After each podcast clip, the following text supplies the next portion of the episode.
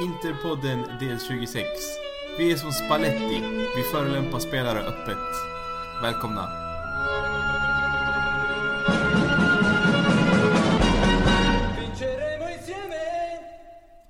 Hej och välkomna till Interpodden del 26. Eh, nu är jag tillbaka och jag är Binan. Med mig idag har jag som vanligt eh, den legendariska Hampus Kerki. Välkommen Hampus. Tack så jättemycket. Eh, precis tillbaks från eh, Milano igår kväll efter Napoli-matchen och fan, hyfsat nöjd ändå får man ju säga.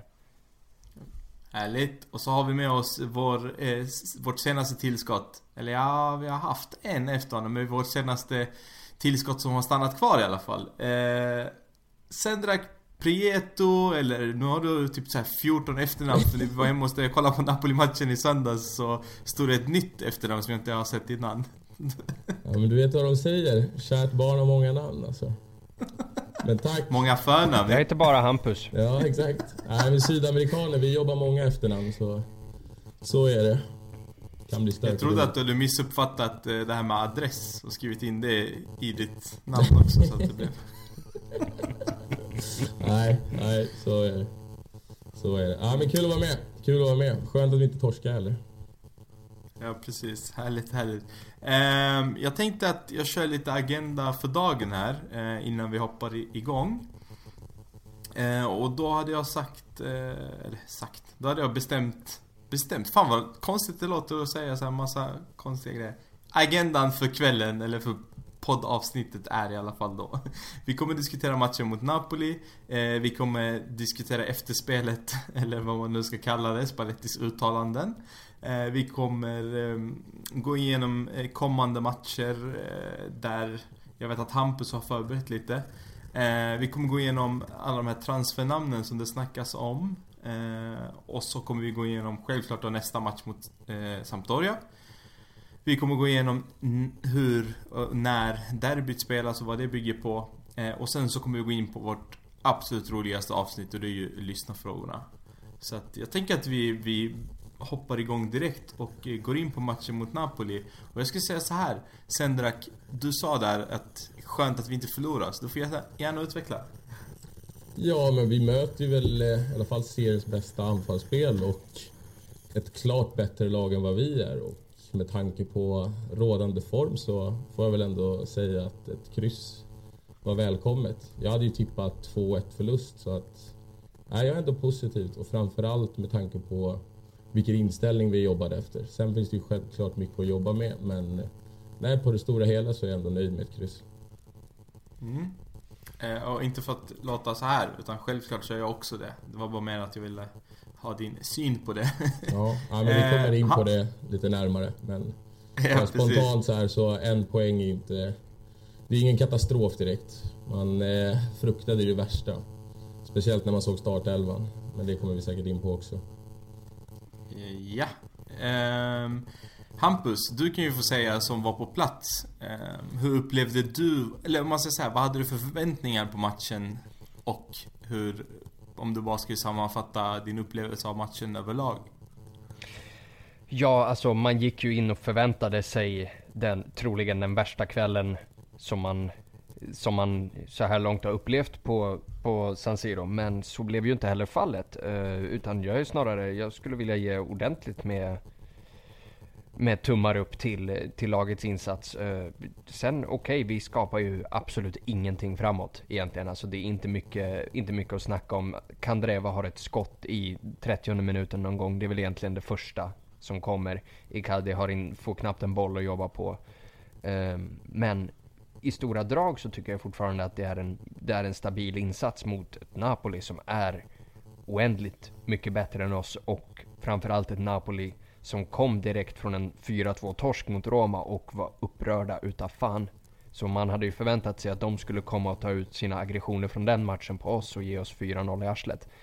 Men ja, vi stod upp bra, mycket, mycket tack vare Milan Skriniar. Sen inramningen för matchen, alltså en match mot Napoli på plats är ju, är ju alltid en speciell grej. Alltså det, om vi hetsramserna och Napoli Colera och Aqua Sapone och allt sånt där drog ju igång. Alltså knappt, det var verkligen tyst minut för för Astorio. Sen börjar faktiskt Napoli-fansen, precis efter att den tysta minuten är slut, så börjar de direkt interista Pezzo di Merda och då kommer ju svaren där. Så i samband med, med, att, eh, med att startvisslan går så kommer ju första, första ramsan då som vi nu har fått betala böter för. Men det tycker jag är värt.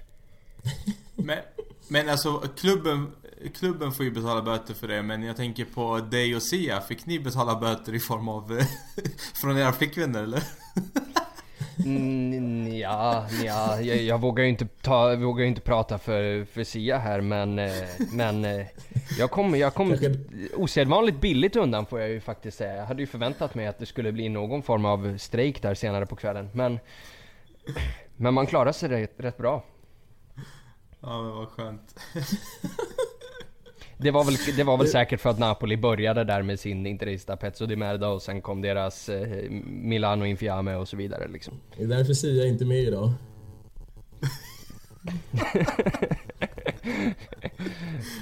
ja, han har försvunnit in i vittnesskyddsprogrammet där. Ja, exakt.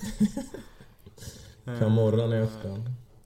Jag tänkte faktiskt, en följdfråga där Hampus. Du sa att du var beredd på eh, den värsta matchen man, eller du någonsin upplevt live på San Siro. Eh, när du väl är inne på det, kan du inte dra den värsta då? Alltså ja, jag har ju suttit och funderat på det och, eh, och eh, faktum är ju att mitt, eh, mitt track record på plats är faktiskt, är faktiskt osedvanligt bra. Alltså vi förlorar inte ofta när jag är nere. Jag tror att det här var min 20 match och jag tror att det är tredje torsken eller något sånt där. Så jag måste nog säga att den 2-1 torsken mot Udinese nu senast den här säsongen i, i samband med Interbells. Så det där måste ju nog vara, vara det värsta alltså, när man sitter och skämmer ut sig där med, med luvan på topp. Och, och sen, sen får man smaka liksom. Det, det kändes inte så jävla kul faktiskt. Nej. Uh, jag tänkte tidigare, så här. Än det, tidigare än det så har väl liksom den värsta varit egentligen 3-1 mot Roma, men då fick jag ju ändå vara där och bevittna Ricky Alvarez till Jonathan upp, eh, eller vad heter det, Jonathan till Ricky Alvarez som klackar till Rocky som klackar tillbaks till Jonathan och mål. Även fast vi förlorar så är det ett av de snyggare målen man har sett på plats. Det är väl enda positiva Jonathan har gjort också? Något sånt ja. ja. Och det väger ja. inte upp. Nej, det, det kan jag förstå. uh, jag tänkte så här, vissa spelare har jag i alla fall pinpointat att, att de här ska vi diskutera.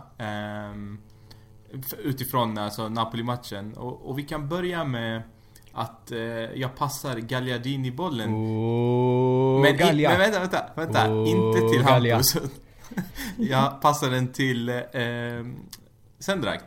Bastardo. Jag, jag, jag har fått ta, försvara Gagliardini i åtta år och sen så fort han gör en bra match då får Sendrak frågan. Det kunde man ju se fan på. Ja, men det är just därför jag, jag, vill att, eh, jag vill att det ska vara objektivt. ja, jag tyckte om Gagliardinis insats. Förlåt, du försvann lite där. Och kan, du, kan du upprepa en gång till? Ja men Gagliardini tänkte jag att vi, att vi ska prata lite om eh, matchen mot Napoli och jag tänkte att i och med att Hampus Eh, det blir väldigt subjektivt om han ska diskutera Gallerini, så jag tänkte att du får göra det sen Ja, men jag tycker, alltså om man ser till den här säsongen så är det väl kanske hans bästa insats. Framförallt så mm. gick det klart mycket snabbare för honom. Alltså att han var väldigt bra in i pressen. Jag tyckte att han städade undan bra framför försvaret. Han jobbade med sin fysik mycket bättre än vad han gjort tidigare. Alltså han var snabbare i sidled. Han kom, men som sagt, in, in i situationerna bättre. Sen framåt så, ja, det som du var inne på, vi skapade ju egentligen ingenting under matchen. Inte utav värde, så att där kanske man hade kunnat önska lite mer. Men arbetsinsatsen var riktigt bra och det kändes som att han i alla fall, det var ett steg i rätt riktning.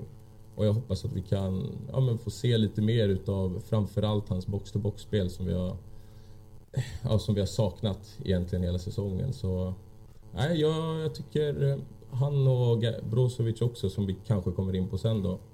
Mm. Jag tyckte han gjorde en klart bättre insats än tidigare. Och det kändes som att han var taggad från början.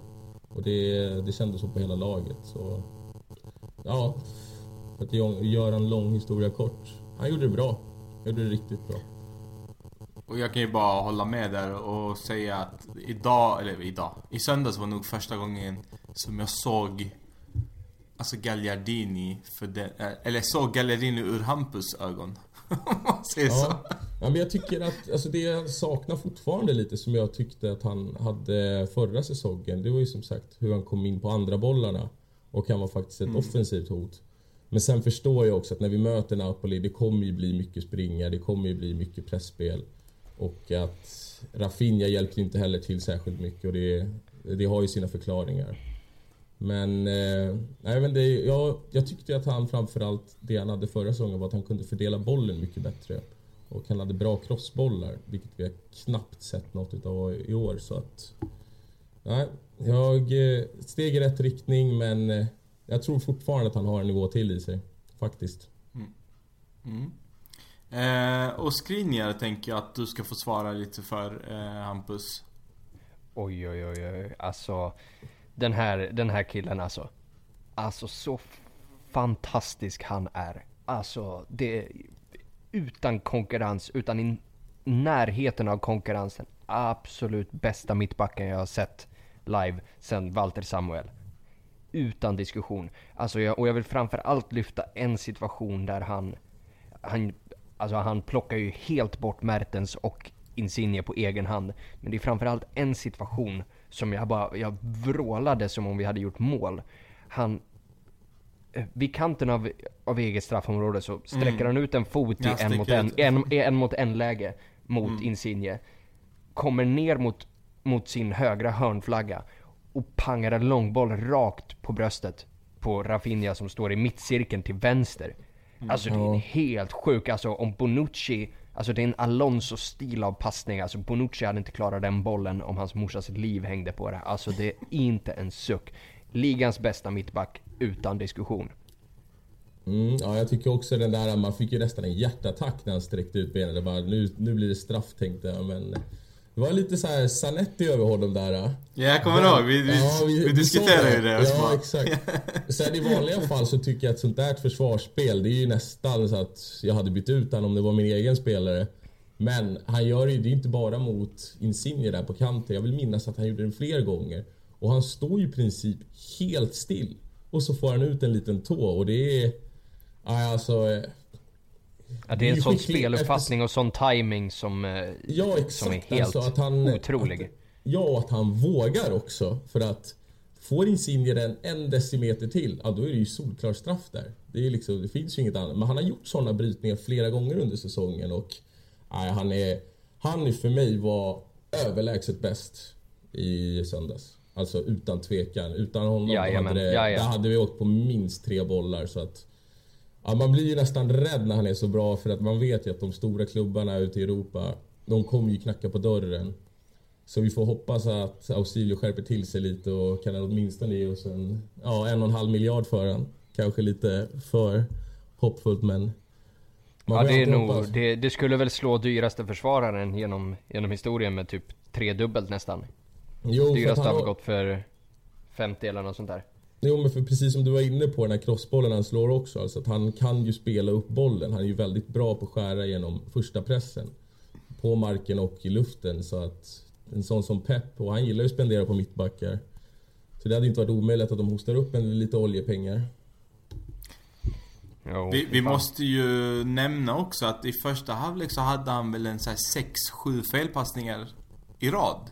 Ja, inte riktigt så många, men det, det har du i och för sig rätt i. Det, var, det satt vi också och diskuterade, för vi kollade matchen hemma Ja. hos mig, några.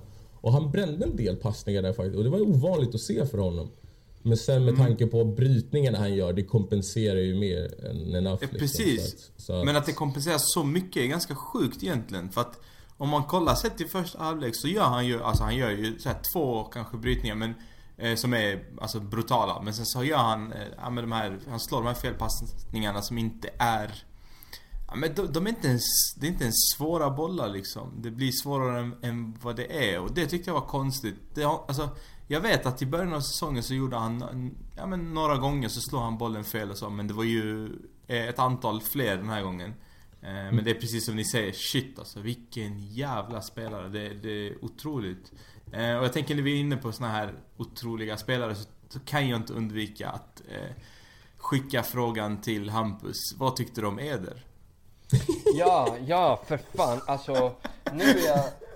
Nu ska ni höra, nu har jag ändrat mig. Jag ändrar mig helt nu alltså. Fy fan boys. För nu, alltså Icardi, vilken jävla sopa. Alltså så överskattad alltså. Jag tycker vi ska spela Eder varje match på alla positioner.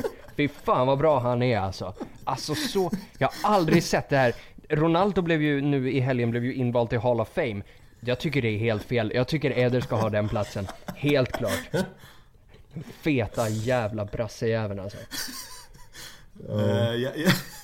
Okej. Okay. Uh, eh, alltså men på riktigt hela, alltså vi, vi, vi drog ju jämnt med Napoli. Fram tills Rafinha gick ut och han kom in. Alltså, Eder satte sin fossing på plan och matchen dog.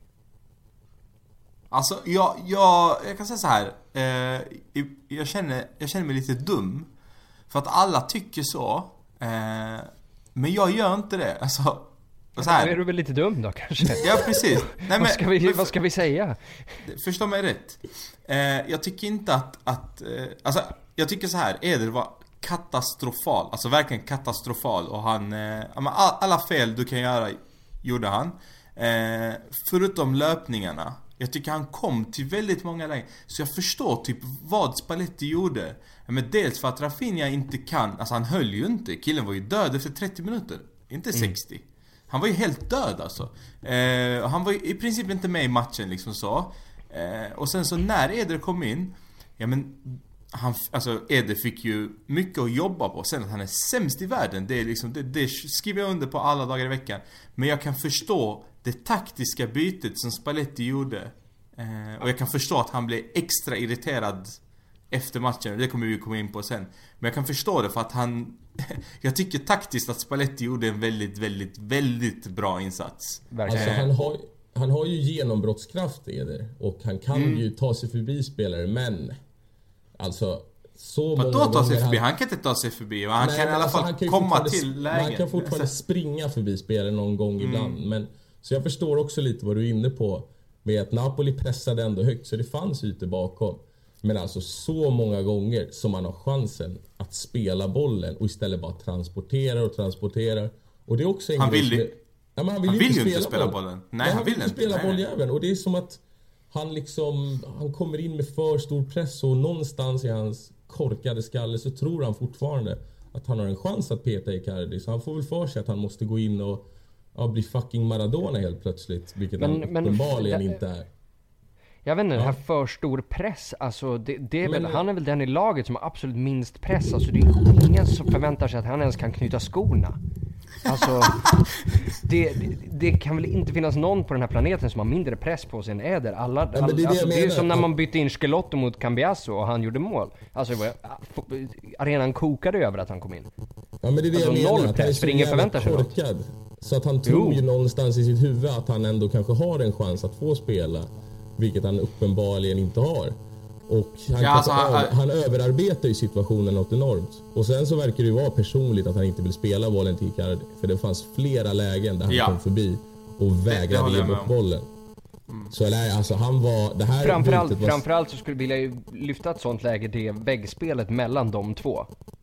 Att det finns en, alltså, han slår bollen till Icardi som väggar den tillbaks till honom yeah.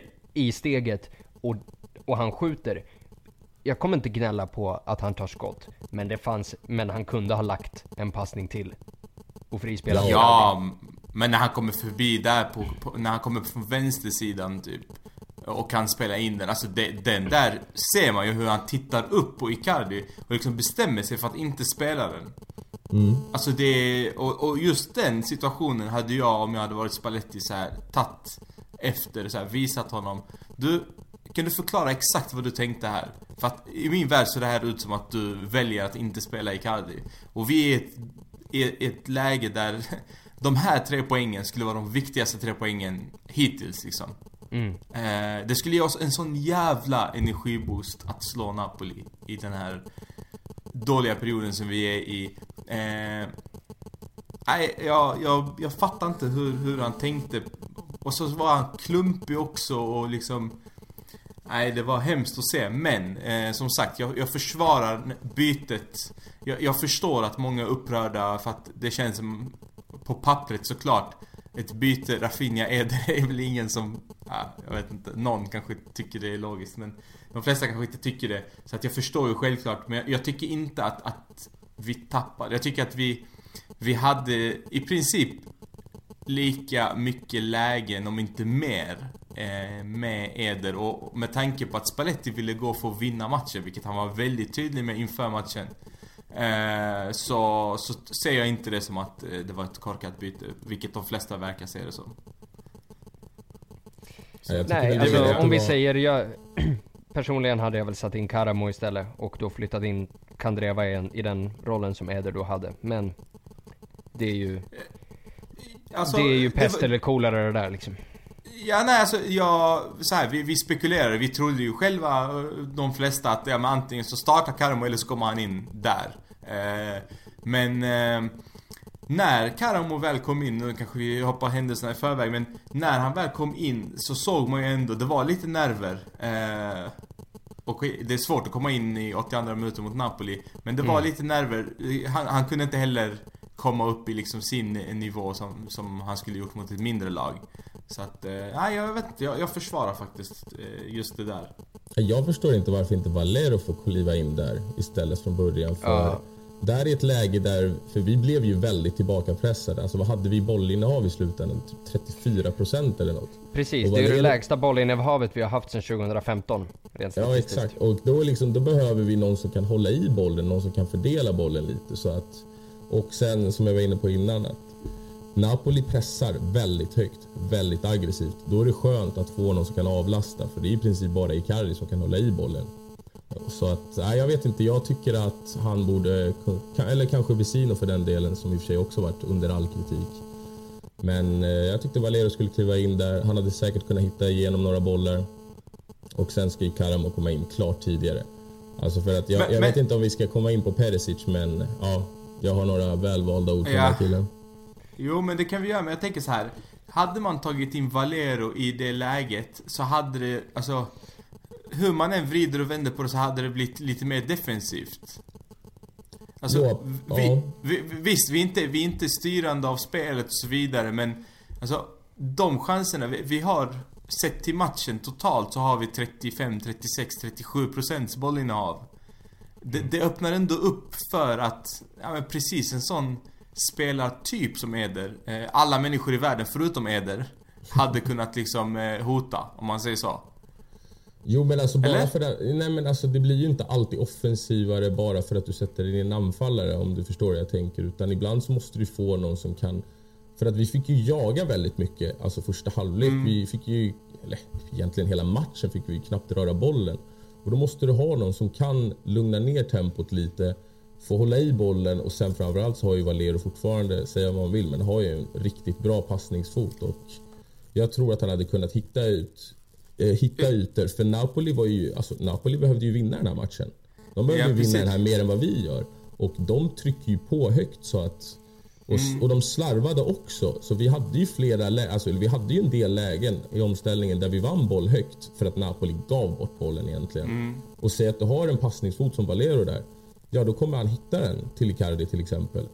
Och det tycker jag alltså, att det där, där saknar egentligen Eder allting. Han behöver ju få bollen, inte transportera bollen. Mm. Alltså jag, jag är med på, på hur du tänker. Jag tänker bara att när det kommer till Valero och, och, och vi möter ett lag som är liksom tio gånger snabbare eh, i tempot än vad vi är. Så är ju faktiskt Valero en av dem med lägst tempo i laget. Och det är ja. absolut, han kan, han kan hålla i då och, och, men så som han har sett ut mot, till och med de sega lagen så har han varit liksom Alltså för seg i sitt, i sitt eh, eh, beslutsfattande. Mm, alltså jag förstår, eh, jag, jag förstår vad du säger. Alltså jag hör mm. verkligen vad du säger. Men ja, vi... Ja, vi kan släppa det. Alltså det är inget mm. så. Jag bara, jag bara säger att jag ville bara mm. skydda den. Jag, jag förstår liksom ja, men jag vad alla tycker. Mm, ja. Men jag bara tyckte att det var just den... Tyckte att det, han fick ändå ut det han förväntade sig sen att, att Eder är bajs. Det, liksom, det, det är nog grunden till att han uttalar sig som han gör efter. Men, eh, du får jättegärna eh, prata lite Perisic här. Ja, men alltså... Vart ska man börja? Var han ens på planen? Den där jävla sopan alltså. Jag är så trött på honom. Jag är så fantastiskt trött på honom. Alltså så mycket potential den där killen besitter. Och att egentligen vara helt osynlig under hela matchen. Och när vi, när vi väl vet du, vann bollen högt upp. Kommer du ihåg där när han, när jag tror det är Rafinha som spelar ut den till honom på kanten? När vi har vunnit bollen ja. högt och så har han ett inläggsläge. Och så bara mm. ger han bort bollen. Alltså man får ja, inte har, sådär han, alltså han har bokstavligen måste... en spelare emellan, alltså mellan sig, Icardi och en till interspelare. Ja, och han, han bidrog inte ens i defensiven som man brukar göra. Liksom att det... han, var, alltså, han var så dålig och han har inte visat någonting på fucking tre månader. Alltså det är dags att sälja skiten för att han... Det känns inte som att han är någon stämningshöjare på något sätt. Han tappar formen varje år, minst två månader. Nu är det ännu längre än så. Han har inte huvudet på plats. Sia var väl lite inne på att det kanske är VM, men jag vet inte om det är VM. Jag tror bara att det är ett upprepat mönster nu i flera säsonger. Alltså, killen är inte så bra som vi först trodde. Och det är liksom att skitsamma om vi inte har någon annan vänsterytter. Alltså, sätt idioten på bänken. För han presterar absolut ingenting. Han tillför ingenting. Alltså vi, vi har tillbaka nu vår alltså, bästa striken i ligan egentligen. Och vad fan får vi för leverans? Två jävla idioter på kanterna som ger absolut noll. Alltså att Karamo inte kommer in, det är, där ska jag Spalletti ha kritik. För visst, han, eh. han gör ju inte särskilt mycket på sina, ja, vad blir det, 10 minuter han får. Men ändå så känns det ju klart mycket farligare med han inne än de där två jävla idioterna. Ja, eh, om, vi, om vi säger, jag håller väl inte med dig till, till fullo här. Sälj Perisic i sommar, det, det kan jag absolut skriva under på. Eh, betydligt mer för att det känns som att han är en av, en av de här problemen som inte riktigt kan acceptera Icardi som kapten. Eh, och står på den sidan av splittringen. Och alla på den sidan av splittringen, oavsett vilka de är, kan tagga. Eh, men jag tycker att både han och, och eh, Antonio Candreva ska ha en, en hel del beröm för det defensiva arbetet de gör. För en hel del av Napolis, uppbyggnad, uppbygg, en hel del av uppbyggnads, Napolis uppbyggnadsspel kommer i deras ytterbackar och framförallt då i, i Hysaj där på, på högerkanten som Perisic då har ansvar. Och likväl som man inte såg Perisic i matchen såg man inte Hysaj i matchen heller. Nej, Så jag tycker de tar ett stort defensivt ansvar. Ja, jag, jag köper Kandreva, fine. Jag är trött på honom också. Men Kandreva mm. köper jag. Men Perisic, alltså han ska bidra framåt. Och vi har i princip inga målchanser. Och det är till stor del hans fel faktiskt. Alltså att han har lägena. Det är mer än en gång där Napoli ger bort bollen. Och det, är ja. liksom, det finns ingen som helst slutprodukt. Så att, och han har inte visat... Han har bara vikt ner sig länge nu. Så jag fattar inte varför han får fortsätta spela. Så det, det är att belöna spelare som presterar skit. Jag, jag förstår inte det. Det är, det är inte så att någon annan kommer göra det sämre. Nej, nej som sagt jag har argumenterat länge att Karamo borde starta och det såg man alltså och, och Perisic, Perisic är i en sån fruktansvärd form att till och med när Valero klev in istället för honom så, så, så skapade till och med Valero som är våran långsammaste spelare, han skapade mer från den vänsterkanten än vad Perisic gjorde. Mm. Sen till Perisic försvar så har ju han ett genombrottsläge där som domaren helt bisarrt blåser frispark för. Ja. Uh, och, det, och det, sker precis, det sker precis under oss i det läget. Och där måste man ju kasta en ordentlig känga till vad fan har vi, uh, har vi VAR till? För i sådana fall, om du då är tveksam, mm, är det här en frispark? Ja men låt spelet fortgå då. Och blir det mål får du väl bedöma bort det i efterhand i sådana fall. Men det där är inte en frispark någonstans. Men och Perisic är ren och rakt igenom. Så, och, och hela, just i det läget så ställer hela arenan upp i allsång och sjunger Come la Juve. Ni är som Juventus. på, på exakt samma sätt. Så... Jag håller med om det läget. Det var jättekonstigt dömt och vi såg ju liksom på TV så att vi såg ju repriser och så vidare och det var ju absolut inte frispark. Alltså i så fall, om det är frispark så är det en väldigt billig frispark och jag köper inte det. De går axel mot axel eller arm mot arm eller vad man nu ska säga. Båda tjafsar liksom, eh, har kanske armarna utanför kroppen och det blir liksom ingen... Det är absolut inte den kontakten som, som, eh, som krävs för en frispark i, i min värld. Speciellt inte när han har släppt så mycket innan. Jag menar... Gagliardinis gula kort skulle nog inte varit gult heller så här. Oh, den där var... ja, det är... Jävla ful alltså. Det är... Det är... Man hade inte kunnat gnälla om det blev rött alltså. Det, det får man Nej, vara ärlig det- och säga. Alltså den Det är, smällen alltså, det är hördes ju på fel läktaren alltså. alltså, Gult är fel där. Det är, det är ju tokrött. Tokrött, det går i fängelse utan att passera gå alltså. Det. Eh, ja, men eh, det finns två, eller tre spelare till så att jag, jag tänker, som- som behöver diskuteras. Så vi försöker att inte göra det för utdraget. Jag kommer dra Icardi här. Eh, jag är väldigt, väldigt, väldigt, väldigt, väldigt, väldigt glad över att ha honom tillbaka. Jag tycker vi såg en anfallare som bidrog extremt mycket till spelet. Eh, vi kan säga hur mycket som helst att han inte fick någonting att jobba med. Jag tycker att han fick att jobba med, fast inget som han kunde jobba med själv. Eh, utan han, han, ja, men han fick liksom vara, vad ska man säga, Zlatan på senare år. Eh, där han får bidra till de andra. Eh, och problemet är då när de andra inte är med. Eh, men varenda touch killen hade var världsklass. Det var passningar, det var klackningar, det var liksom spelförståelse utöver det vanliga. Så att, eh, fy fan vad... Så här, nu när han har varit borta ett tag så har man till och med varit nära på att tänka, eh, jag till, tror till och med jag har sagt någon gång så men fuck it, sälj han om det är det som krävs. Eh, men alltså Aldrig, shit. Vi- vi- aldrig, vilken- aldrig, aldrig, aldrig, aldrig. Nej, alltså vilken jävla klassspelare det är. Så att det om Icardi. Eh, Brozovic ska du få prata om Hampus. Eh, ja, eh, och det är jag faktiskt rätt glad att få göra. eh, för eh, jag är ju den som har som har skrikit högst om att han borde bänkas och säljas och utvisas ur landet och så vidare. Ehm, och alla de här grejerna står jag fortfarande för. Men det här är nog och det här, då räknar jag även med liksom när han gör mål mot Juve i Koppan och två mål mot Benevento och så vidare. Jag argumenterar att det här är hans bästa match i Intertröjan. För han tar ett kollektiv, alltså han tar ett lagmässigt ansvar för alla spelare runt om sig. Han står för brytningar, öppnar upp löpningar, slår knappt bort några bollar. Positionsspelet är briljant så absolut en riktigt, riktigt, en riktigt klassinsats av Brozovic. Dessvärre vet vi att det kommer ju inte hålla i sig. Ja, jag skriver under på allt du sa. Utvisning ur landet, att han gör en riktigt bra match. Men som du precis avslutade med, alltså vi vet själva att om en eller två matcher så kommer han vara lika jävla värdelös igen. Så att, ja. Det är, Men Alltså- framförallt, framförallt så vill jag ju lyfta just, just att han tar det defensiva ansvaret. För även när han är bra brukar han inte riktigt göra det. han, löper ju ofta mycket. Alltså, han har ju bra stats eller antal meter men eh, det, det, är är fortfarande att vi ska skapa så pass lite framåt så att någonstans, någonstans har väl ändå han som ändå var någon där när lever ut. Han gör, han gör ju en grym arbetsinsats.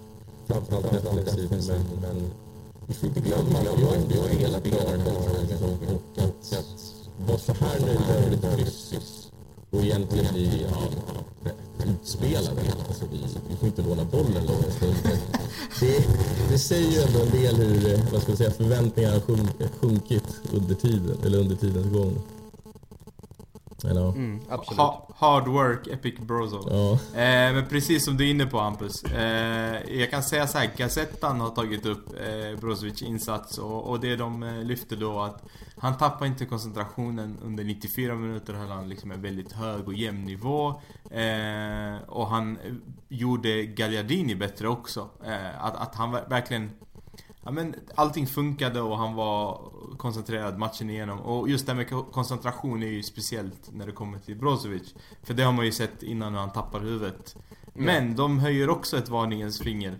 Och säger så här. Eh, det, det, borde, eller det skulle vara ett misstag om man tror att Brozovic har, har vänt liksom eh, sin form. Exakt. Han behöver mer, han behöver mer kontinuitet, eh, han behöver en bättre attityd och han behöver fler insatser som det här mot Napoli då. Eh, och nästa uppgift är då matchen på söndag mot Sampdoria. Eh, och för att vi inte ska glömma då, detta är samma match som förra året ledde vi med 1-0 hemma. Eh, Brozovic is, ja, jag minns inte vilken minut det var men han eh, visade sina absolut bästa sidor när han stod i straffområdet och drog ner bollen med handen så att de fick straff och de vann med 1-2. Ja, just det. det, det här är ju samma snubbe så att eh, glöm inte. Nej, vi har inte glömt. Däremot så nu när vi går in i Sampdoria-matchen här och liksom och vi, vi är ganska polemiska av oss och är, är allmänt bittra och negativa. Så ska vi inte glömma att Sampdoria gick nog på den pinsammaste torsken i år.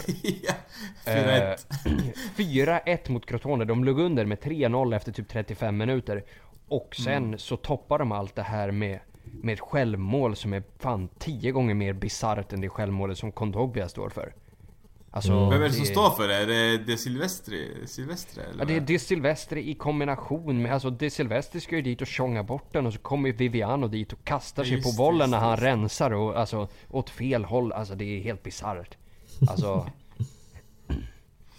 ja, det känns... Vi har eh, en spelare till som vi måste faktiskt prata om innan vi hoppar in på Sampdoria-matchen. Eh, och det är Cancelo. Eh, och där skulle jag säga så här. Jag och Sendrak pratade om honom när vi satt och kollade på matchen. Eh, där vi hade en, en bild som jag förstår efterhand är väldigt delad.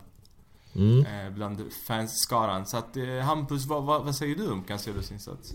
Alltså, jag, jag och Sia satt och pratade om honom på, på flyget hem alltså och... Eh, eh, alltså, eh, sopa. Alltså sorry, men, men sopa rakt av. Jag förstår inte hur vi överhuvudtaget kan överväga att köpa loss honom. Uh, för alla har ju delat den här dubbeltunneln han gör och wow, wow, wow vad häftigt. Men killen har en passningsfot som är rent av bedrövlig.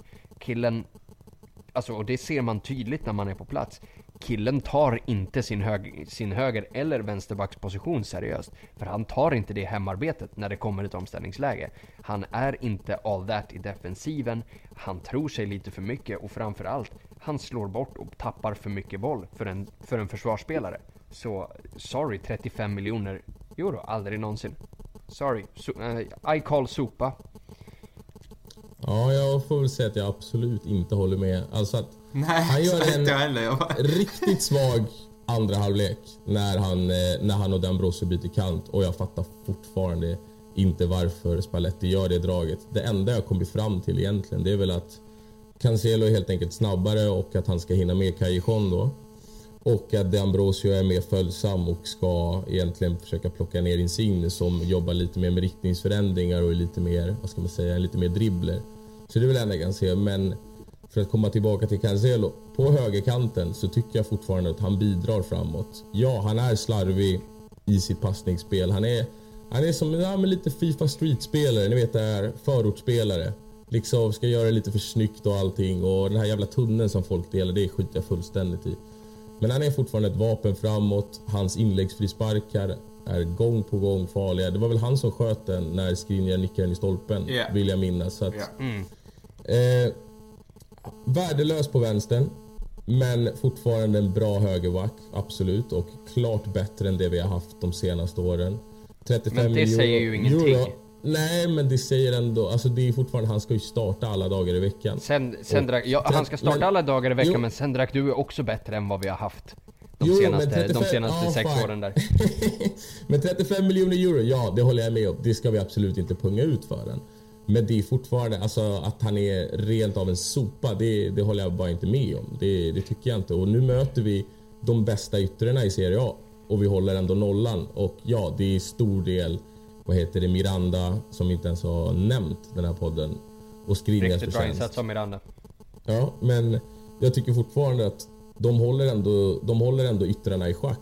Och någonstans så så måste man väl berömma det. Men ni ser ju live så det är klart ni har väl lite bättre översikt över hans totala ja, insats. Alltså som sagt, alltså, det, sopa, det, är så många felbeslut är... som tas alltså. Det, och om vi säger att de kvaliteter han har skulle jag välkomna med öppna armar i en yttermittfältare. Men ja, inte i en högerback. Nej, han kanske sätter på fel position. Det, det har jag velat också, att han ska kasta ut Kandrev åt helvete så vi kan få upp honom i planen. Men då har vi det här problemet att då måste ju Santon gå in, eller Dalbert som är, ja, inte har något som helst självförtroende. Så att, jag tycker ändå att, jag tycker ändå att det, det är en bra spelare och han bidrar offensivt. Jag, jag är alltså helt inne på Sendraks Jag vet att vi satt ju till och med och hyllade honom den här matchen. Alltså vi tyckte att han gjorde det bra. Sen så, precis som resten av laget så slår han bort många bollar. Och inte bara vårt lag, även Napoli slog bort många passningar i, i första halvlek.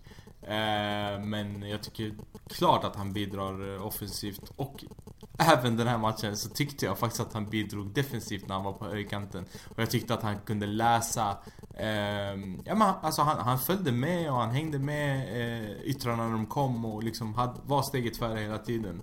Eh, och sen så, så här, efter, för, för, det är ju någonting, för nu tänker jag att vi går in på Spallettis uttalande. Ja, får jag bara flika in en grej innan? Får bara yeah. flika? För att som sagt, Napoli är det bästa laget i sitt pressspel. De sätter en otrolig press. Så att passningar slås bort, det är som vi var inne på, Skriniar slog bort en hel del passningar.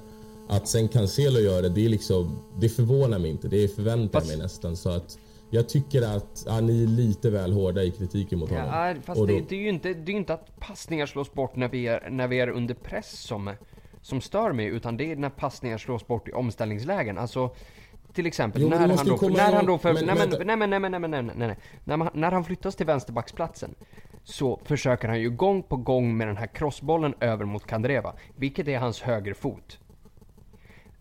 Och missar den gång på gång, medan han har tre, fyra andra alternativ runt omkring sig. Det är det här mm. jag menar, alltså att de konst, alltså felbeslut, spelar för svårt, ska göra liksom kan aldrig släppa en boll direkt, måste göra en liten, liten dribbling eller föra den med sig någonstans och liksom visst, jättebra att han utmanar, men jag vill inte ha en ytterback som utmanar en, ytter, en motståndare yttermittfältare på egen planhalva, inte alls alltså. Så är, han, våran, är, är han våran bästa ytterback?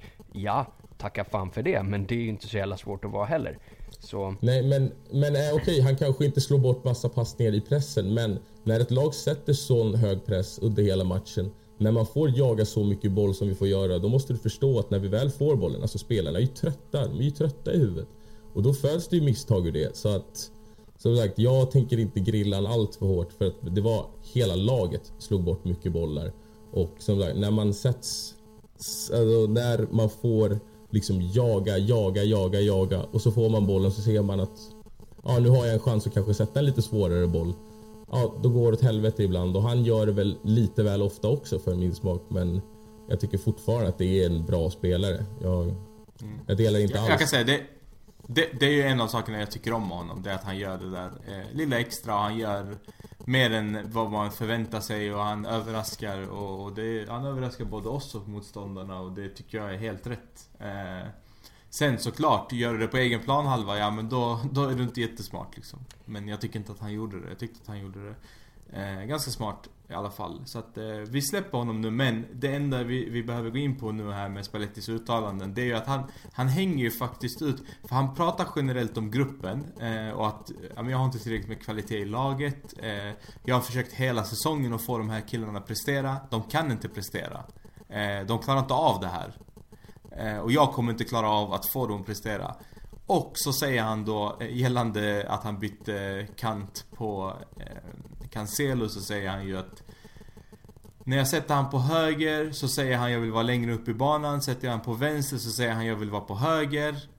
Eh, och att liksom alla, alla i den här truppen har väldigt mycket bortförklaringar och eh, skyller på saker som, som jag liksom eh, Ja men när vi diskuterar så skyller de på andra saker. Men han skyller på de här sakerna mer än någon annan. Det är Spallettis ord. Så folk som säger att han, att han har sagt eller att eh, folk har översatt fel och så. Nej! Det här är vad han har sagt. Ja, ja, ja. Mm. jag såg, jag såg det på TV efter, efter matchen till och med. Så. Precis, och jag har också sett det. Jag dubbelkollade för att jag blev först så här. Alltså va?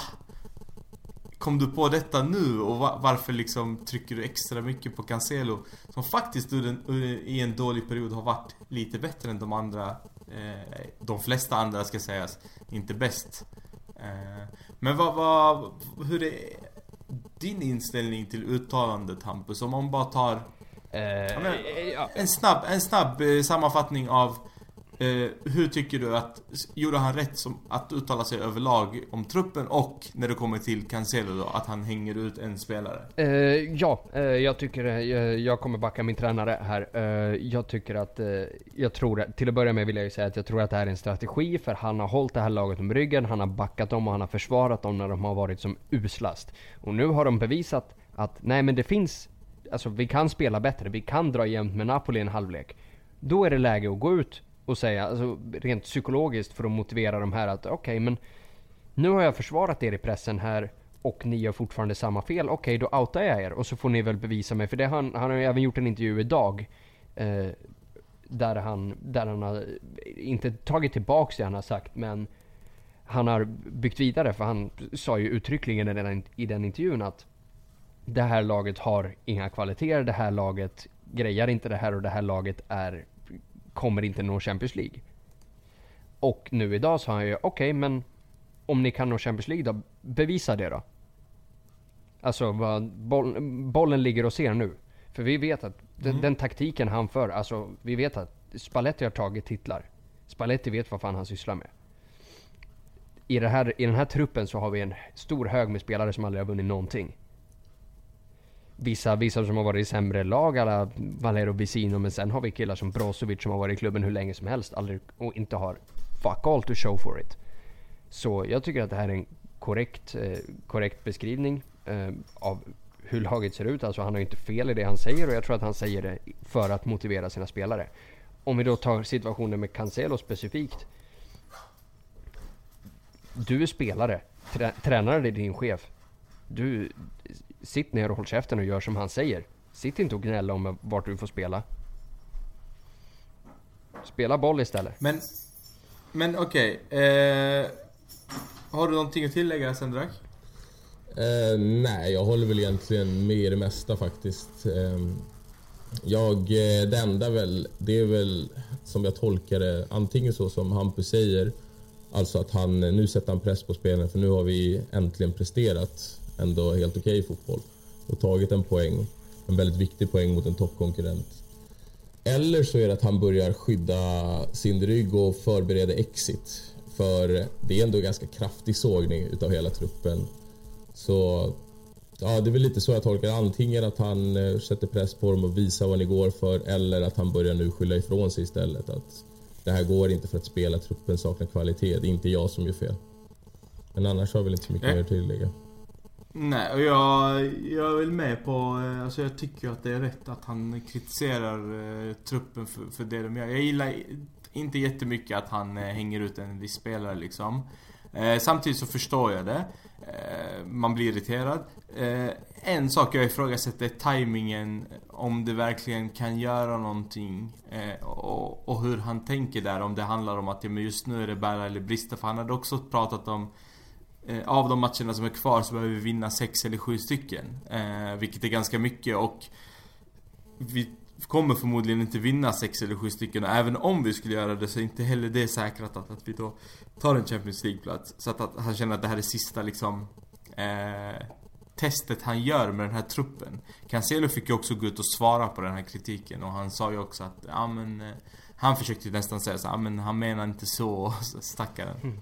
Och Spalletti har ju dessutom understrukit då i dagens intervju att jag menade att så. jag menade visst så. Ja, vad, vad snackar du för skit?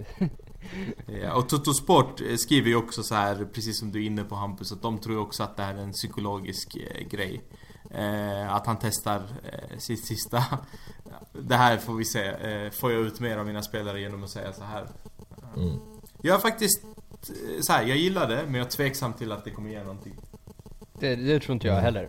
Att jag tror varken det kommer ge plus eller minus. Den här spelartruppen är, alltså... Vi har för många spelare som är rent av efterblivna. Så det kommer inte, det kommer inte påverka dem. Alltså Nej. Brozovic kommer gå hem och fortsätta jaga bitcoins och Kandreva gör väl vad fan han gör och... Alltså det... Eder, Eder käkar gissar jag. Och alltså...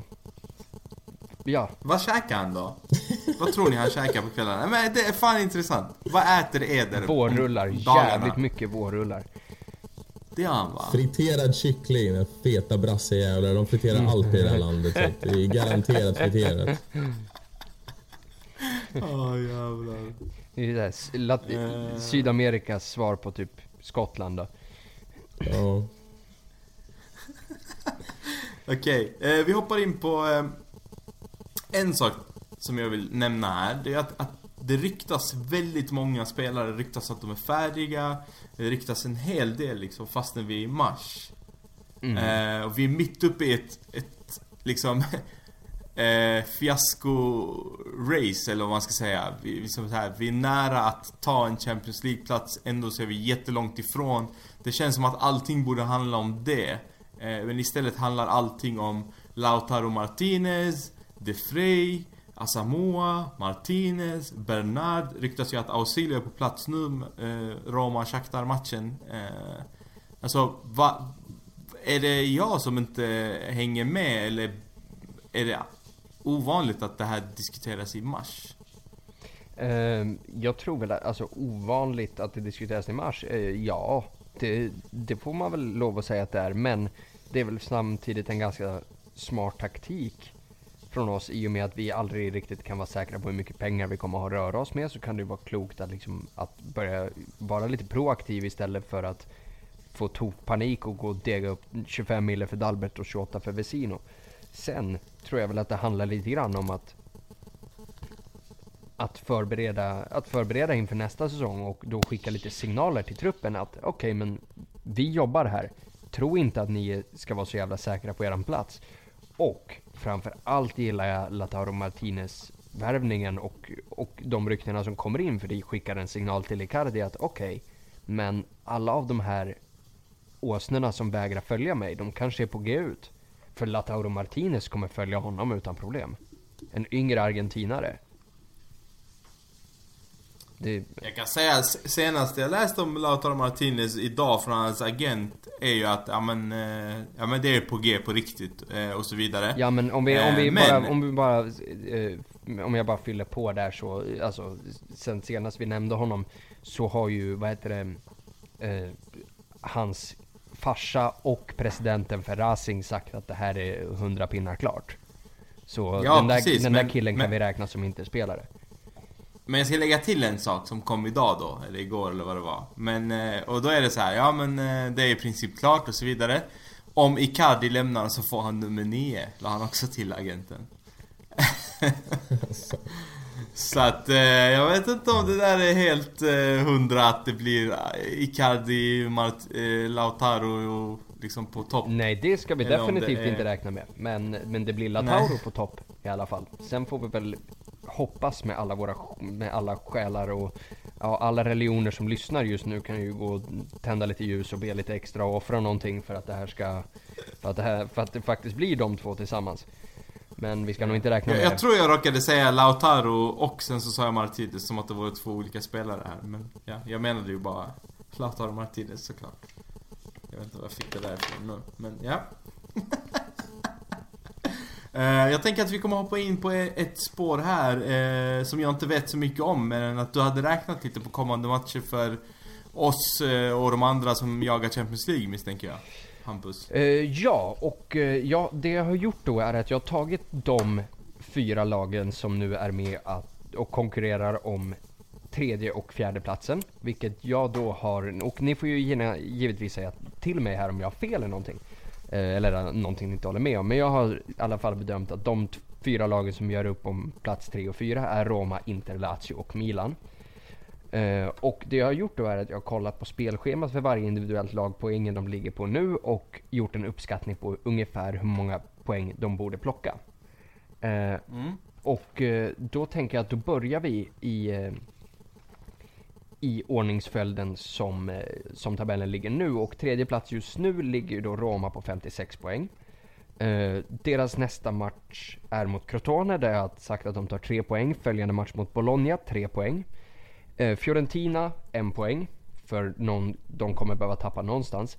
Derby mot Lazio har jag, har jag delad poäng. Det tenderar att bli kryss där. Genoa 3 poäng, Spal 3 poäng, Chievo 3 poäng, Cagliari 3 poäng. Sen deras näst sista match mot Juve 0 poäng och Sassuolo 3 poäng. Några invändningar så här långt? Ja, jag tror inte de klarar Cagliari i matchen. Precis. Och eh, exakt, och liksom någon av de här kommer, finns det ju en risk att de tappar i givetvis. Eh, och jag vill säga att jag har räknat där så, jag, jag har inte varit optimistisk med Inter heller.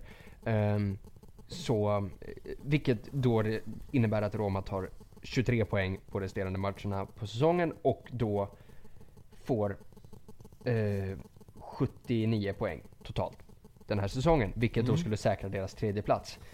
Fjärdeplatsen som just nu innehas av Lazio. Eh, Lazio ligger idag på 53 poäng. Eh, de har nästkommande match mot Bologna, 3 poäng. Benevento 3 poäng. Udinese borta, 1 poäng. Derby mot Roma då, 1 poäng. Fiorentina, 1 poäng. Sampdoria 3 poäng. Torino 1 poäng. Atalanta 3 poäng. Crotone 1 poäng. Och Inter 1 poäng. Mm. Eh, Hur tror du på kryss där 20 maj? Precis, precis. Eh, Mm. Och eh, det skulle då ge Lazio 20 poäng resterande säsongen och landade de på 73. Därefter kommer ju då vi. Eh, och nu ska ni höra här, för här blir det ju viktigt. Eh, Mm. Sampdoria en poäng. I och med att det är ett bortaplan, vi ser inte så jävla vassa ut, så Sampdoria blir tufft. En poäng. Hellas Verona tre poäng. Vänta, alltså, då, vänta, vänta, innan du fortsätter där. Då betyder det att hans eh, psykologiska snack inte hjälper? Det, det lär det inte göra, nej. Okej, fortsätt. Precis, och, så då Sampdoria en poäng. Eh, Hellas Verona tre Mm. poäng. Det tycker jag är säkert tippat. Torino tre poäng. Sen Atalanta Uff, vinner... Torino är svår. Absolut, vi, med, med lite vind i seglen Mm. efter, efter Hellas tror jag att vi kan ta Torino. Därefter kommer ju dock Mm. Atalanta. Atalanta vinner vi aldrig emot, det vet vi, så en poäng där. Cagliari tre poäng. Chievo tre poäng. Torsk mot Juventus. Så vi har till och med råd med det. Mm. Udinese en poäng. Sassuolo tre poäng. Lazio en poäng och tre poäng mot Milan då. När nu derbyt spelas. Det skulle då ge oss 22 poäng. Mm. Vilket landar oss på 74 poäng. Alltså på fjärde platsen med en poängs marginal. För Milan kommer då efter, som idag ligger på 47 poäng och de behöver ju ta mycket för att komma ikapp det här. Eh, Kiev har en poäng i och med att de har, eh, har Lazio, eller vad heter det, matchen nu mot, eh, mot Arsenal nu på torsdag. Där de kommer behöva ge verkligen allting. Därefter kommer ju ett, en tuff bortamatch mot Juventus där de kommer få tokdäng. Tre poäng mot Sassuolo, noll poäng mot Napoli, en poäng mot Torino, tre poäng Benevento, tre poäng Bologna, tre poäng Hellas, tre poäng Atalanta, en poäng Fiorentina och torsk mot oss.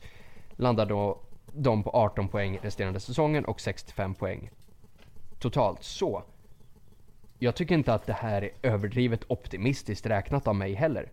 Men om det skulle gå så här så tar vi Champions League-platsen med en poängs marginal. Ja. det känns som jag behöver smälta det här men... Eh, Det det som- låter ju faktiskt, alltså realistiskt, eh, logiskt. Du har gjort ditt, ditt jobb om man säger så.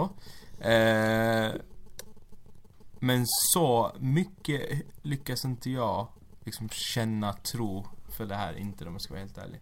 Men om man tittar på nästkommande, nästkommande tre matcher. Alltså, Mm. Sampdoria, är det, är det omöjligt att ta en poäng där? Jag kan ju bara säga så här. Sampdoria är ju faktiskt ett lag som i princip, jag tror de har tre poäng mindre än Milan. Ja. Eh, och visst, de har precis gjort bort sig. Eh, men det är inte, alltså, för oss är det oftast negativt om de precis kommer från en förlust. Mm. Tyvärr, men, men så, så brukar det se ut. Eh, sen så Sampdoria är, alltså de är fan ett bra lag, det måste man ge dem. Jag, absolut, du räknade en poäng där och det, det borde vi absolut kunna ta. Men eh, i min värld så är typ säsongen över om inte vi tar tre poäng mot Sampdoria. Alltså, det, det, tror jag, det tror jag inte att den är, för därefter, alltså, jag tror att det blir mer, det skulle bli betydligt mer problematik om vi skulle, om vi skulle ta tre poäng mot Sampdoria och tappa poäng mot Hellas Verona hemma efter. Det blir problem.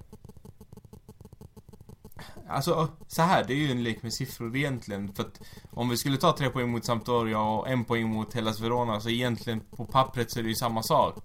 Eh, men vi har ju problem med mentaliteten. Så att, eh, och jag tror att mentaliteten efter det här uttalandet från Spalletti och efter att vi är ganska nära mot Napoli hela tiden och i alla fall eh, utifrån vad vi inte-fans tyckte, om man kollar på siffrorna så var vi inte ens... Alltså då skulle vi vara glada att vi ens var med i matchen. Mm. Eh, Men eh, ja, jag vet inte. Sendrak, vad, vad säger du? Eh, ja du. Alltså ja, det känns bara spontant att alla lagen känns som att de får lite väl många poäng här. Tycker jag att Roma ska ta mycket, så mycket poäng. Det beror ju lite på hur det går i Champions också och Lazio är väl också kvar i Europa. Precis, de spelar Så det- på torsdag mot Dynamo Kiev, men de ligger ju under med två mål där så det... Ja det är så, okej. Ja, men eh, Roma i alla fall, de kan ju gå vidare ikväll och där kommer det, det kommer ju automatiskt innebära att de tappar fler poäng men... Precis, och Ja, därmed, Sampdoria- därmed har jag räknat, räknat med en, ett poängtapp där mot Fiorentina. Ja, ja, jag vet inte, ja, det känns bara spontant som att... Jag tror ju att vi kommer missa Champions så att... Jag vet inte, jag... Jag har väl inte så mycket att tillägga just i hur mycket poäng och så vi kommer ta för att en match i taget räcker för mig. Jag får ju redan hjärtattack för varje match vi har så att... Jo, Och Jag, kan tror- bara slänga in, eh, just nu så är det ju halvtid i Roma Shakhtar och det står 0-0. Det står Eh, 0-0, så ja. att Ni vet när Ja. vi spelar in så här. Men, eh, ja men det, det tycker jag är eh, att vi kan gå vidare och direkt hoppa in på Men jag matchen mot Sampdoria då. Hampus. Jag Ja det gör jag också, verkligen. Alltså, alltså grejen är så här för att, för att om, om vi återkopplar till de här värvningarna som det pratas om eh, Så glömde jag nämna där Jag tror att de flesta av de här värvningarna Om vi nu har diskussioner, vilket ja, Ausilio har också bekräftat eh, Diskussioner om både De Free, Martinez och Asamoah eh, Men det jag menar då är att jag tror att många av de här värvningarna, eventuella värvningarna eh, också hänger på om vi tar oss i Champions League eller inte. mm, Eller? Vad tror du? jag vet inte, det... Det tror jag väl inte. Eh, det är lite... Om vi säger om vi inte har lyckats göra klart med, med DeFry innan, innan slutet på säsongen så kan vi nog kyssa, kyssa den drömmen tack och adjö. Eh, men Asamoah skulle jag inte vara så säker på, men jag tror faktiskt att vi, eh, att vi jag tror nog att DeFry är klar. Men vi vet ju att de här grejerna kommer ju inte komma ut eller offentliggöras precis, på precis samma sätt som vi gjorde med Banega förra året. Vi hade honom klar i, i, i januari också. Men man offentliggjorde, inte det förrän slutet på säsongen. Så jag tror faktiskt att vi har bjudit en så... Vi var först på bollen med DeVry. Vi har dubblat hans lön från vad, vi, från vad han hade i Lazio. Jag tror... Alltså, jag tror Men- att han är klar för oss.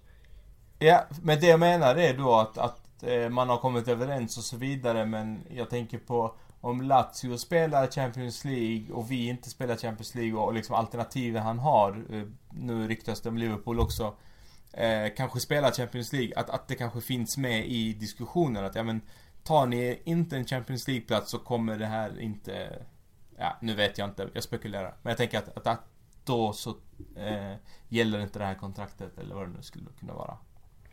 Det är möjligt, men det vore ju...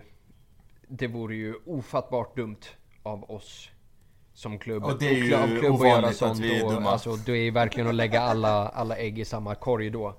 För då binder man ju Ja. upp sig mot en specifik spelare om man skulle signa en sån bisarr klausul. Så det, nej, jag, jag tror att oavsett utgång av, eh, av eh, säsongen så kommer vi ha De Vrij i backlinjen. Sen är bara frågan om han kommer spela tillsammans med Skriniar eller, eller ersätta Skriniar. Ersätta. Mm. Ja, vi får se.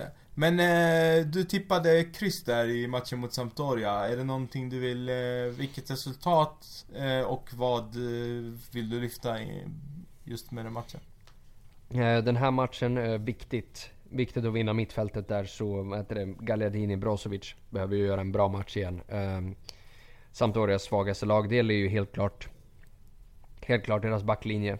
Så om vi bara kan vinna mittfältskampen så kommer vi kunna sätta upp bollar på, på både kanterna och på Icardi. Och eh, då kommer vi göra, då kommer vi göra mål. Dessvärre så, så Sampdoria är hemmastarka och därför tänker jag väl en ett 1-1 resultat. Eh, mål av eh, Icardi och eh, Fabio Quagliarella. Mm. Och, eh, och Sendrak, vad, vad säger du om den här matchen? Ja, jag tror vi har ju alltid svårt där nere i Genoa så att jag tror också på kryss och jag ska vara så tråkig och tyvärr säga 1-1 också. Men jag tror Icardi hänger den, han är tillbaka i, i målprotokollet. Gör ofta mål mot min- Samp. Ja, exakt. Och så min kära landsman Lucas Torreira, som jag gärna ser i Inter. Han kommer Oh, ja. hänga en frispark på oss. Så att, ja, jag tror, jag tror det blir kryss, men Känns det inte lite som att luften har gått ur Sampdoria? Alltså jag tänker en sån där... En sån torsk de åkte på nu, det är ändå misstänksamt och de har gjort en bra säsong. Det var väl ingen riktigt som förväntade sig att de skulle vara så här högt uppe. Nej, och det är Crotone också och, och, grejen är att det... Det är ju Europa League som gäller för dem och de är ju tämligen ohotade på den positionen ja. också liksom. Så. så det är väl det som ger en lite hopp att de kanske inte är, det kanske inte är samma tändning, det inte, kanske inte är samma koncentration längre i laget. Och det kan väl göra att vi kanske kan ja, få med oss alla tre, men så här på förhand tror jag på ett kryss. Jag eh, slänger ur mig en, en eh, helt annorlunda eller oväntad så här. Jag säger att det blir 0-3 till Inter.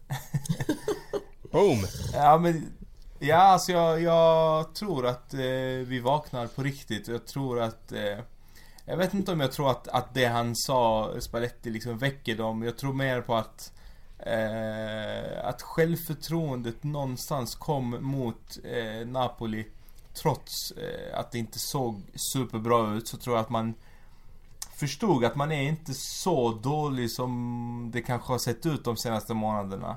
Då, eh, får jag ställa dig en följdfråga då? Ja. I sådana fall, vad tycker du Spal om det skulle bli 0-3 till Inter? Vad tycker du Spalletti mm. ska säga efter matchen då? Om han har kritiserat dem innan den här matchen och de då går och spelar en 0-3. Då kan han väl inte gärna gå in och liksom skitbra jobbat grabbar. Då måste han väl gå ännu hårdare. fan vad bra alltså, är ful och verkligen nej, alltså, Miranda jag, din skalliga fan och...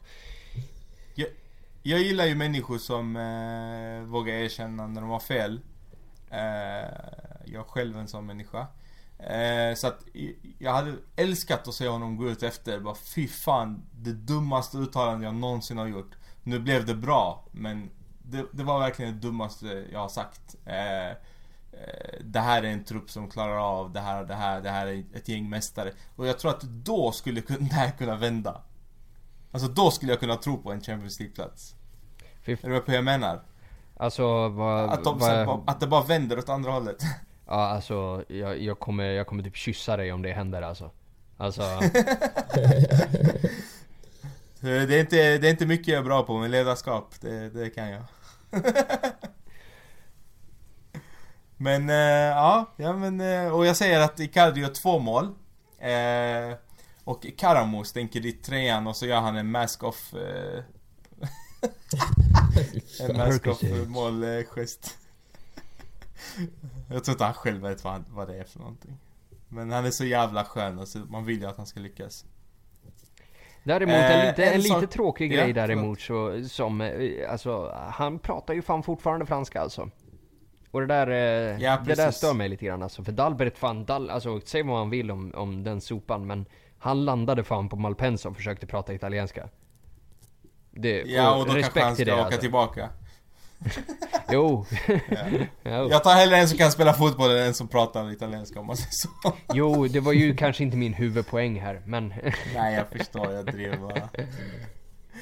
Uh, jag tänker så här, jag vill inte att vi ska dra ut alldeles för mycket på tiden. Uh, det har vi redan lyckats göra som vanligt. Men uh, Milano-derbyt sa jag att vi skulle nämna här snabbt. Eh, det ryktas att om de åker ut ur Europa League, vilket allt tyder på med tanke på resultatet mot Arsenal senast. så eh, så eh, spelas matchen strax efter påsk, va? Så att 3-4 april däromkring. Eh, och sker det inte, skulle de mot förmodan gå vidare i Europa League så eh, snackas det om att den blir i maj. Eh, jag tror att det är så 8 eller 9 maj.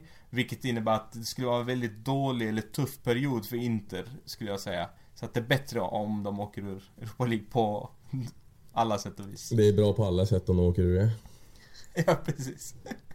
eh, några frågor kan vi ta, ta innan vi avslutar här. Jajamän.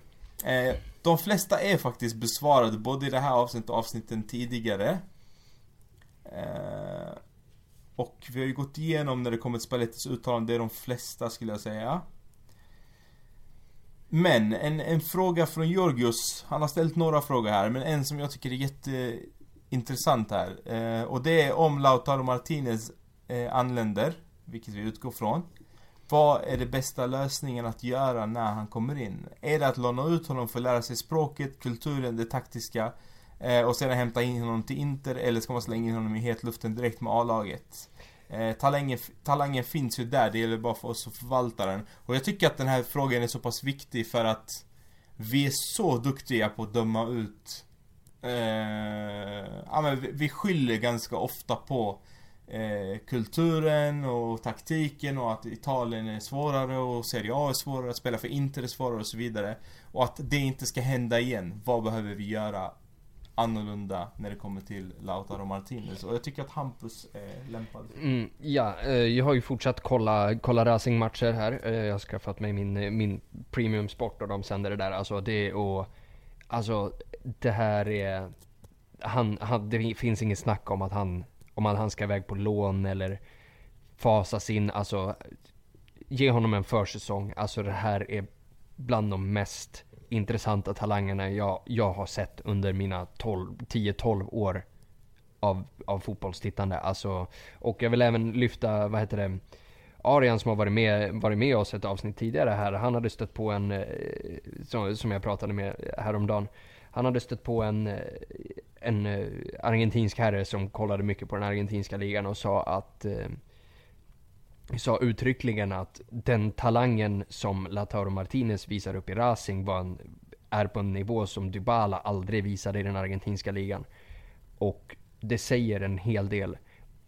Lautaro Martinez är uttagen i argentinska landslagen nu över Dybala, över Icardi och över många andra. Förvisso vänskapsmatcher, absolut. Men killen har öst in mål. Killen drämde in ett hattrick sin första, sin debut i Copa Libertadores. Alltså, det här är en absolut världsklasstalang. Så jag vill inte se honom ett år i Kievo, aldrig i livet. Han ska in och han ska slakta. Och jag är helt övertygad mm. om att han kommer göra det också. Då eh, tycker jag att eh, Sendrak ska få svara på fråga nummer fyra av Georgios här då. Har, har Spalletti fått ut sin spelidé i denna trupp enligt oss? Eller enligt dig egentligen? Och om ja, så vad baserar du det på? Uh, nej, skulle jag säga. Nej. Bra, då hoppar vi vidare. det tycker jag inte. Nej, men alltså att eh, jag tror faktiskt att jag var inne på det förut och han behöver Alltså yttrarna är väldigt viktiga för hans spel. Att yttrar som kan ställa frågor, som kan ta sig förbi sina, sina motståndare. Slå sin gubbe helt enkelt och ja, det kan vi ju alla se. Även en blind jävel kan ju se att det har vi ju inte och framförallt nu när Perisic är helt under isen så nej, jag skulle inte säga att han har fått ut sin spelidé. Mm. Nej, bra. Tydligt.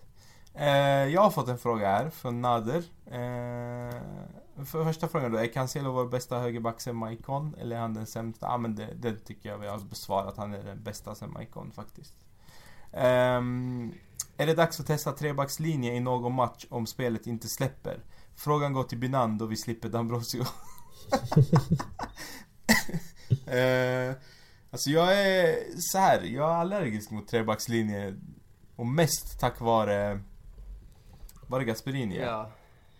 Uh, så att uh, jag har inte ens tänkt på det om jag ska vara helt ärlig. Och nu när jag tänker på det så Alltså vi har ju inte tre, ja alltså jo.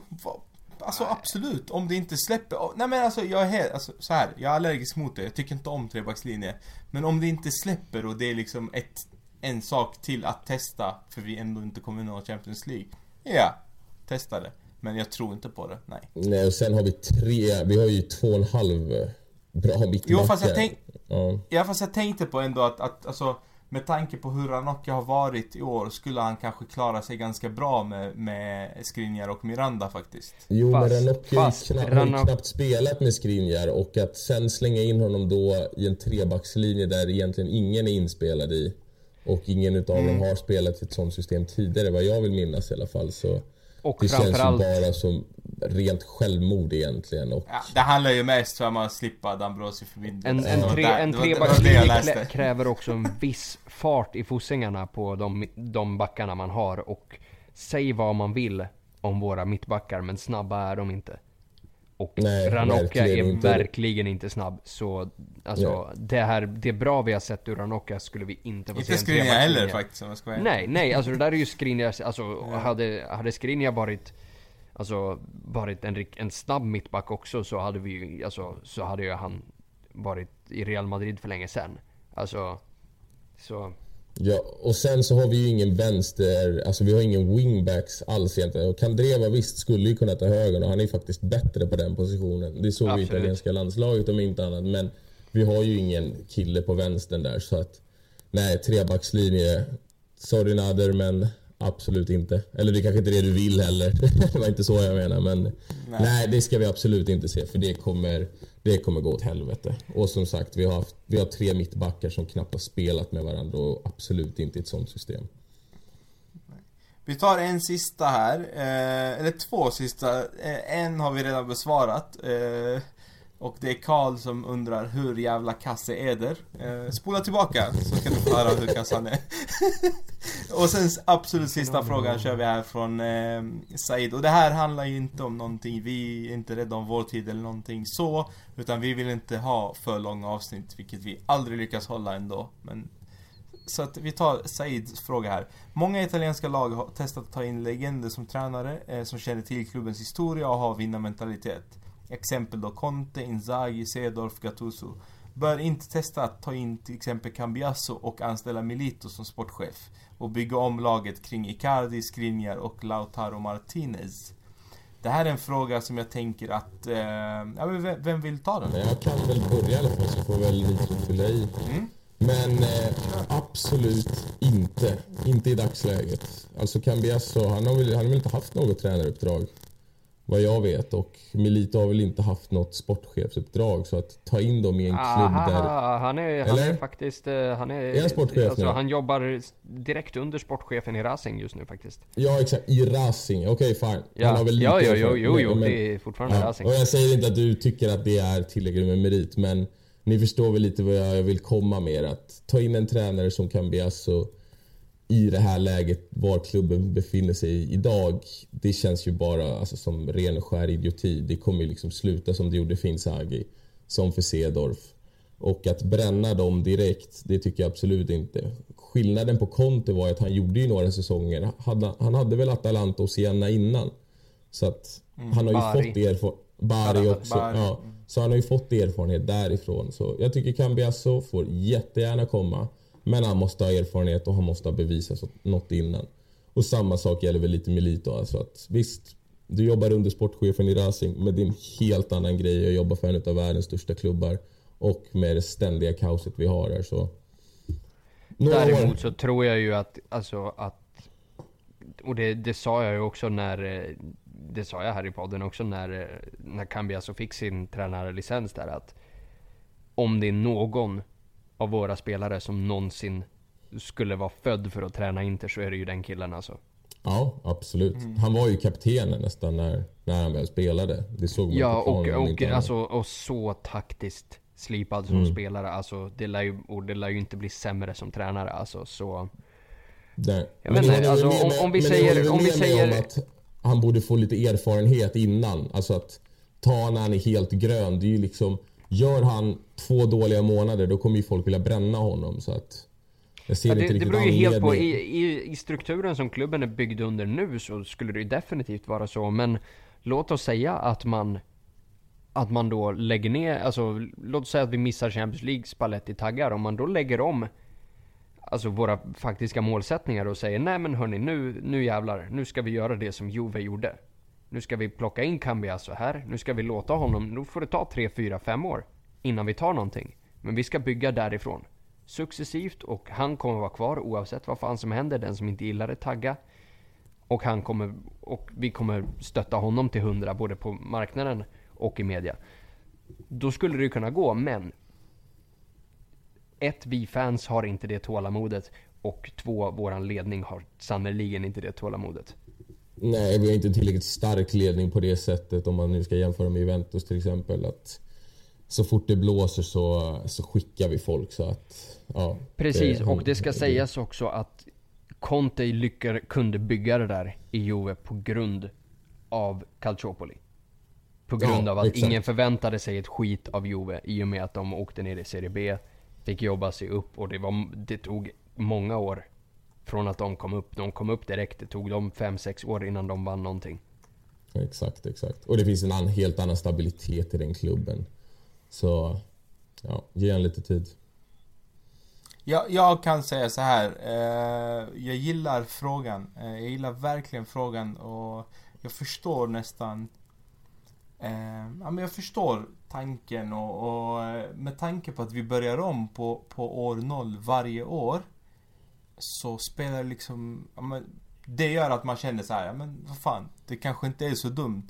Eh, jag hade dock inte valt de två. Jag vill absolut ha eh, Cambiasso som tränare någon gång i framtiden. Jag tror vi har tagit upp det här också. Att, att det, det är en...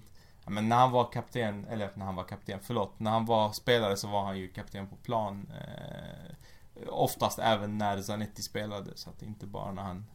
Eh, att han var vicekapten. Eh, men till exempel Walter Zenga som, som man såg när de mötte Inter hur, hur han fortfarande ja, men hoppade på Kinosata Rossonero och så vidare. Alltså att ha det här lite mer än bara ett jobb. Ja men Senga är inte en bra tränare tyvärr.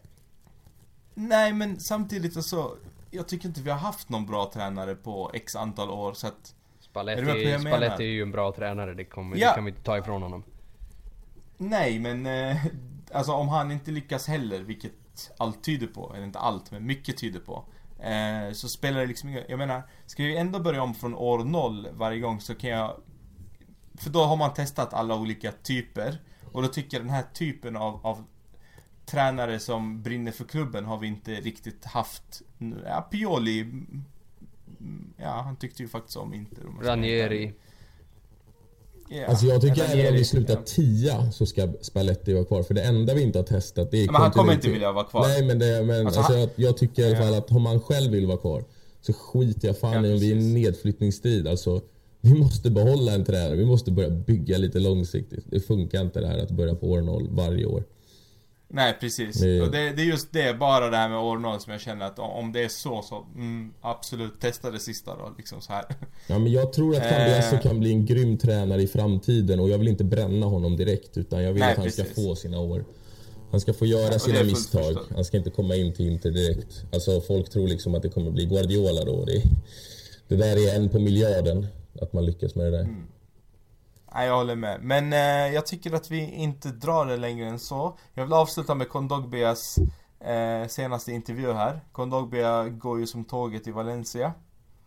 Eh, och då diskuterar man om han, eh, om han misslyckades i Inter. Och han tycker inte att han misslyckades i Inter då. Nej. Och då säger han, eh, jag tar det på engelska, jag orkar inte översätta i huvudet här. If you look at it, I played a decent about, about of matches there and the reason people are talking about failure is because I did not live up to expectations. But this is another matter. I was bought and placed under a lot of spotlight. I was presented as someone who would change everything for the better. But instead, I was very young, arriving to complete an already high level club. I was not like Neymar who arrived at PSG, but people thought that my arrival would win into the Scudetto. So they viewed me as a failure, but I do not think so. Så! Vi avslutar med och eh, säger eh, tack och godnatt. Och slå dig med en baguette Kondogbia för fan.